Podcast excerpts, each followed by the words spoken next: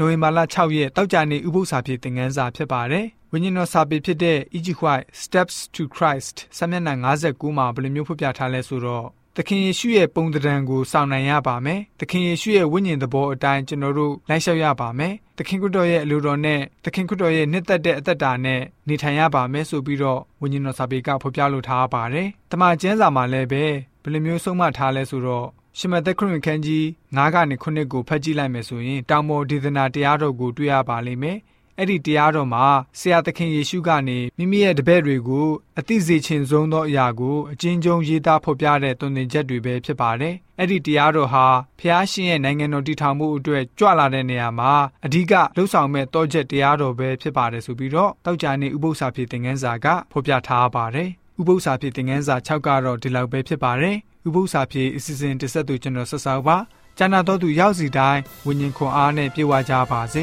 ကျေးဇူးတင်ပါတယ်